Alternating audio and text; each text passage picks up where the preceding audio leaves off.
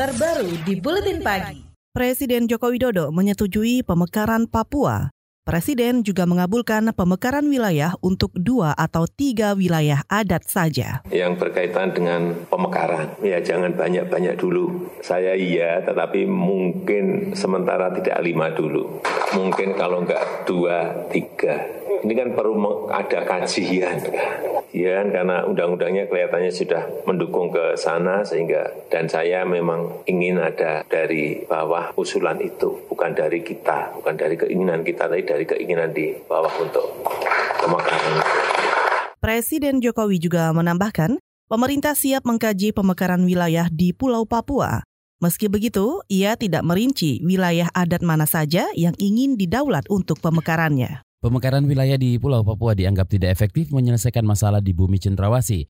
Ketua Definitif Majelis Rakyat Papua Barat atau MRPB, Maxi Nelson Ahoren, mengatakan pemekaran wilayah juga bukan agenda kerja majelis. Maxi mendesak pemerintah berdialog lebih dulu dengan masyarakat Papua sebelum menindaklanjuti usulan pemekaran wilayah. Ada masalah yang terjadi di Papua Barat yang tidak diselesaikan sampai hari ini. Yang saya sebut tadi masalah panorama yang terjadi. Bagaimana perusahaan sejarah untuk provinsi untuk Papua itu belum dilaksanakan secara baik.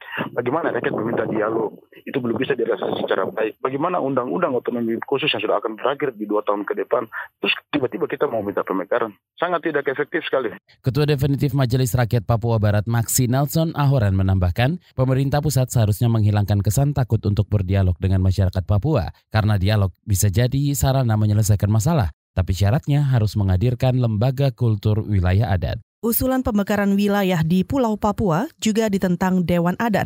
Ketua Dewan Adat Wilayah 3 Doberai, Papua Barat, Mananwir Paul Vincent Mayor menyebut pemekaran provinsi tidak akan memberi dampak positif terhadap pembangunan di Papua. Malah sebaliknya, masyarakat Papua nantinya hanya akan jadi penonton saja dari praktik pemekaran wilayah itu. Lebih banyak negatifnya daripada positifnya. Sekarang pemekaran Papua dan Papua Barat saja orang pendatang, orang non-Papua datang berbondong-bondong ke Papua dan kami orang Papua jadi penonton. Kami dalam jabatan-jabatan strategis kami selalu amanat undang-undang otsus itu menjadi tuan di negeri sendiri. Kenyataannya tidak wakil bupati orang non-Papua, ada yang bupati itu bukan orang asli Papua. Jabatan-jabatan strategis itu bukan kami yang duduk, biasanya orang lain. Ketua Dewan Adat Wilayah 3 Doberai, Papua Barat, Mananwir Paul Vincent Mayor juga mengkritik pertemuan Presiden Jokowi dengan puluhan tokoh Papua kemarin di Jakarta. Para tokoh yang hadir, kata Mananwir, tidak merepresentasikan masyarakat adat Papua.